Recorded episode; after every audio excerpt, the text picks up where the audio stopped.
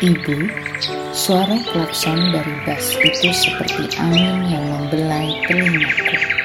Jangkrik katak ayam yang bertelur, Niki yang mengeong karena lapar. Ibu, aku bisa membayangkannya.